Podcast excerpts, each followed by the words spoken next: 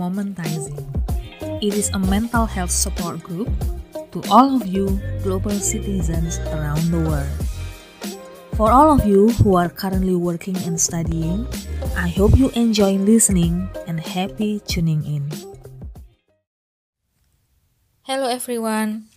Welcome back to Momentizing Podcast. I'm Esta Gracia. I'm the cross cultural marriage and parenting consultant. And today I will continue to talk in bahasa Indonesia as I will discuss about um, a topic still relates to parents because it seems like um, as millennials we tend to have um, kind of like um, not really close relationships with our parents in terms of facing different opinions or different paradigms. Oke. Okay.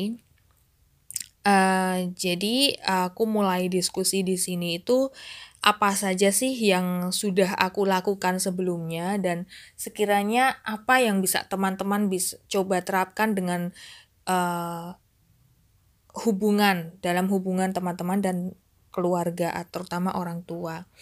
Jadi sebenarnya kenapa saya bikin podcast ini uh, dengan topik ini karena saya mengamati banyak uh, orang tua dan kaum milenial saat ini anak-anak muda gitu ya. Bahkan ketika mereka sudah menikah, mereka merasa ya pilihan karir, pilihan pasangan hidup, pilihan pendidikan itu semua aku yang menentukan. Orang tua tuh tidak perlu terlalu ikut andil, terlalu ikut um, ikut campur gitu ya istilahnya dalam dalam memberi pengarahan gitu loh. Nah, sebenarnya begini teman-teman, kalau memang kita yakini benar segala tanggung jawab dan konsekuensinya dan kita mampu, kita merasa mampu, dan terutama ketika kita sudah mandiri secara finansial atau keuangan, kita bisa mencoba memberi pengertian pada orang tua dengan cara juga ya bukti gitu loh. Orang tua tuh sebenarnya khawatir gitu. Satu kata deh, sebenarnya orang tua tuh apa sih? Kenapa sih kok kayaknya selalu aja hal-hal yang mereka coba terapkan dalam kehidupan kita tuh bertentangan gitu ya, berlawanan sama maunya kita, sama uh, fokusnya kita karena satu khawatir itu aja deh. Orang tua tuh nggak mau melihat anaknya sakit orang tua nggak mau anaknya susah anaknya sedih pasti kan tidak mau seperti itu. Makanya mereka berusaha untuk mengarahkan gitu atau memberitahu tapi sering kali memang cara-caranya tidak sesuai gitu. Sehingga itu menimbulkan konflik atau uh, permasalahan di kemudian hari dengan anak-anaknya. Mereka bersih tegang, berselisih paham, uh, komunikasi intensinya intensinya intensinya berkurang, intensitasnya berkurang. Kemudian uh, anak juga kemudian pasif, uh, tidak lagi berusaha membangun hubungan atau rekonsiliasi dengan orang tua seperti itu.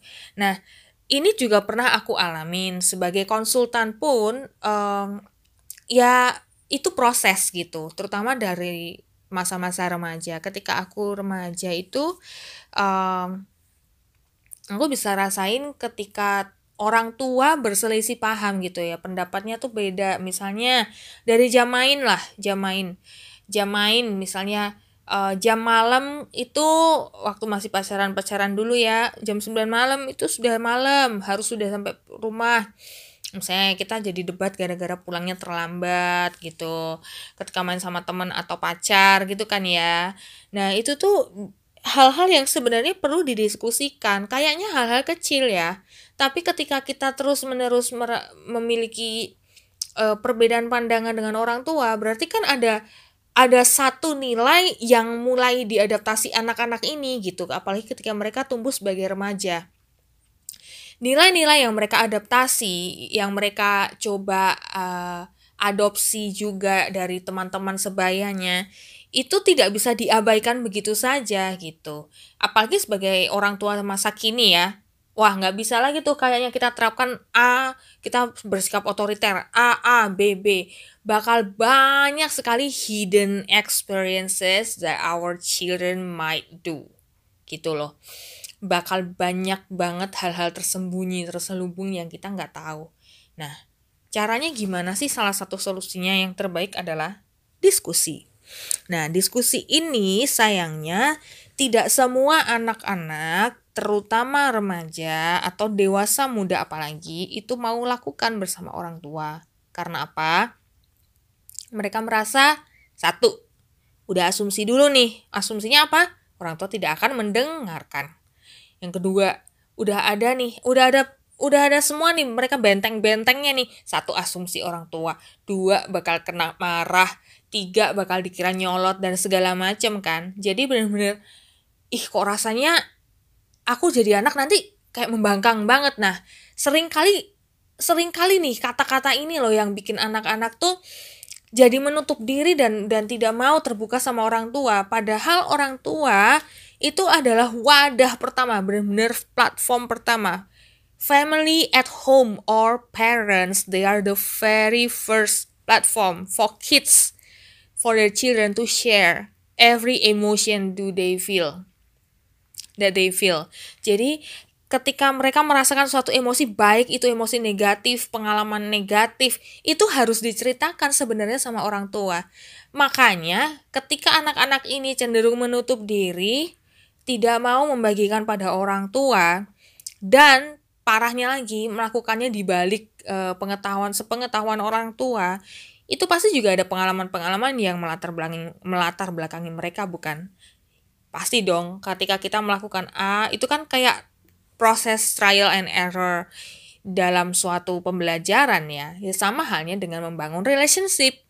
Apa pun relationship orang tua, anak, relationship pacar, suami istri apapun whatever whatever the kind of relationship is, the type of relationship whenever you get some negative response, especially some bad reactions, then you tend to withdraw. You tend to close yourself. You try you tend to build barriers towards those person. So whenever the similar situation might happen you are reluctant to share and open up yourself towards that person. Kan istilahnya seperti itu. Jadi ketika kita berusaha membuka diri bahkan menunjukkan sisi negatif kita tapi kita dapat judgment itulah saat kita merasa oh ternyata responnya negatif. Ya sudah lain kali aku nggak akan melakukan itu. And it happen also to me. Itu juga terjadi sama saya. Jadi waktu uh, zaman SMA gitu ya. Uh, aku cerita sedikit ketika itu aku berusaha uh, untuk menanyakan gitu sama orang tua. Banyak kan teman-teman tuh yang sudah mulai pacaran tuh. Udah mulai pacaran sini sana jalan bareng. Terus ih jam mainnya tuh jam jam uh, waktu hari biasa nggak weekend itu boleh keluar sampai jam 7 malam kayak gitu gitu tapi aku nggak boleh tuh waktu itu nah sampai akhirnya aku sadar gitu waktu SMA gitu ya kok kayaknya orang tua aku sendiri pun punya beda pandangan gitu tentang tentang uh, the principle of building relationship gitu intimate relationship ya kayak misalnya pacar gitu. Itu kan hal yang normal hal yang wajar dan memang menurut uh, menurutku pribadi itu tidak boleh kita cut off that feeling from the kids gitu loh. Bayang from the the teenagers. Bayangkan ketika anak-anak muda ini sebenarnya mulai merasakan suatu perasaan khusus ya terhadap seseorang yang berbeda lawan jenis uh, ya kemudian orang tuanya bilang oh nggak boleh kamu pacaran ini belum waktunya terus langsung di cut off seperti itu tanpa babi bu bebo nah bayangkan anak-anak ini akan bereaksi seperti apa? Nah kira-kira teman-teman coba pikirkan pertanyaan saya ini ya. Apalagi di era sekarang. Generasi udah mulai milenial udah mulai generasi alpha juga. Jadi benar-benar apa nih? Kira-kira mampu ma uh, manjur nggak itu kita? Kalau sebagai orang tua nantinya terus kita terapkan ini ke anak-anak ya itu bukan waktunya. Kamu harusnya belajar aja belajar dan belajar. Waktu SMA loh itu sudah remaja. Usia di mana memang salah satu tugas perkembangan remaja mulai juga nih mengenal oh perbedaan dari tubuh fisik dan perbedaan secara uh, sosial emosional terhadap lawan jenis. Sudah ada ketertarikan muncullah di situ. Di situlah di mana orang tua mulai merubah peran. Tidak lagi sebagai sebagai teacher untuk mengajar tapi sebagai coach pelatih dan sebagai guidance teacher untuk memberikan pendampingan bagi anak. Jadi teman untuk diskusi.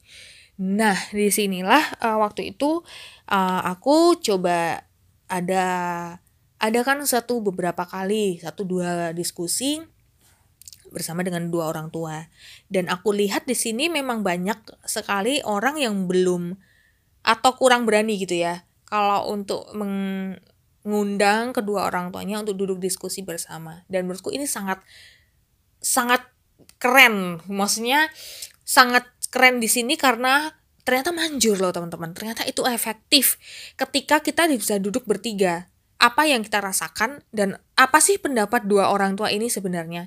Karena kedua orang tua kan juga memiliki latar belakang yang berbeda latar belakang dengan segala aturan dan batasan keluarga mereka masing-masing. Itulah kenapa mereka bisa bisa beda pendapat. Nah gitu. Kemu, ke, soalnya ke memang kok ya kebetulan juga orang tua saya tuh beda pendapat dalam hal uh, relationship matters gitu. Terus kalau menurut ibu saya waktu itu ya zaman SMA oh pacaran itu penting kenapa karena dari situlah masa-masa kamu mengenal dirimu konsep diri, identitas diri, kamu mengenal untuk tidak egois, untuk tahu porsimu sebagai wanita, sebagai cewek, dan porsimu sebagai pacarnya si A. Nah, gitu. Perannya kan ada. Ada dua peran di situ. Tapi kalau ayah saya waktu itu, wah benar-benar no, it's a big no. Di situ saya mikir, apa sebenarnya yang melatar belakangi mereka tuh seperti itu. Dari SMA saya sudah merasakan memang ini penting sekali loh. Diskusi itu penting sekali untuk dilakukan. Dan terutama waktunya, pilihan waktunya juga harus pas ya teman-teman. Waktu, kondisi tempat, suasana itu mood kedua orang tua itu harus didiskusikan bisa kita bisa kita ajak orang tua eh uh, apa mah aku mau ngobrol dong bareng ha, hari apa gitu jam berapa bisa nggak gitu kita duduk bareng bertiga as simple as that gitu tapi banyak, kenapa sih anak-anak ini banyak yang tidak merasa nyaman atau merasa berani gitu. Itu hal yang wajar untuk diskusi. Saya lihat itu banyak terjadi gitu. Dan itulah kenapa duduk diskusi bersama orang tua itu perlu. Ketika itu saya bertanya, kenapa tidak boleh? Alasannya apa? ternyata itu setelah mereka bicarakan kekhawatiran-kekhawatiran yang muncul dan itu menurut mereka terjadi dari pengalaman mereka sebelumnya atau pengamatan mereka di masa saat itu terhadap remaja-remaja yang menjalani masa pacaran, menjalin hubungan secara khusus itu apa sih masalah-masalahnya misalnya dari teman-teman mereka, anak-anaknya seperti itu. Itulah yang melatar belakangi mereka, oh tahu memutuskan nih, aku maunya anak kita tuh begini. Nah, karena memang yang terjadi adalah dua orang tua memiliki pendapat berbeda, kita bisa ajak diskusi. Tapi kalau memang orang tua, sekalipun orang tua memiliki pendapat yang sama, tapi berbeda pandangan dengan kita, perlu diskusi. Karena begini teman-teman, diskusi bukan berarti kita membangkang. Tidak sama sekali. Diskusi bukan berarti kita tidak berbakti, kita tidak mendengarkan orang tua, tidak seperti itu. Karena ketika anak sudah berubah statusnya menjadi seorang remaja, banyak nilai-nilai sekali lagi ya, banyak nilai-nilai, banyak aturan, batasan atau pengalaman hidup yang dia rasakan bersama dengan teman-teman sebayanya. Bukan lagi dari nilai-nilai keluarga. Di sinilah peran orang tua um, sangat penting untuk mendampingi anak, bukan lagi sebagai guru yang menggurui. Bukan seperti itu. Tapi di mana orang tua bisa mengarahkan lewat cerita-cerita lewat active listening gitu. Dari mendengarkan secara aktif dan tidak ada judgement atau reaksi yang terkesan sangat uh, defensif atau judgmental kepada anak. Seperti itu. Jadi pada intinya hubungan antara anak dan orang tua itu tetap perlu dijalin sekalipun dengan banyaknya uh, perselisihan atau kesalahpahaman atau perbedaan pendapat itu tidak menjadi alasan selama anak dan orang tua bisa sama-sama saling mendengarkan dan saling um, mem memberikan upaya mem mengupayakan bagaimana caranya menjalin atau menjaga hubungan yang efektif dengan memberikan kenyamanan pada pilihan masing-masing.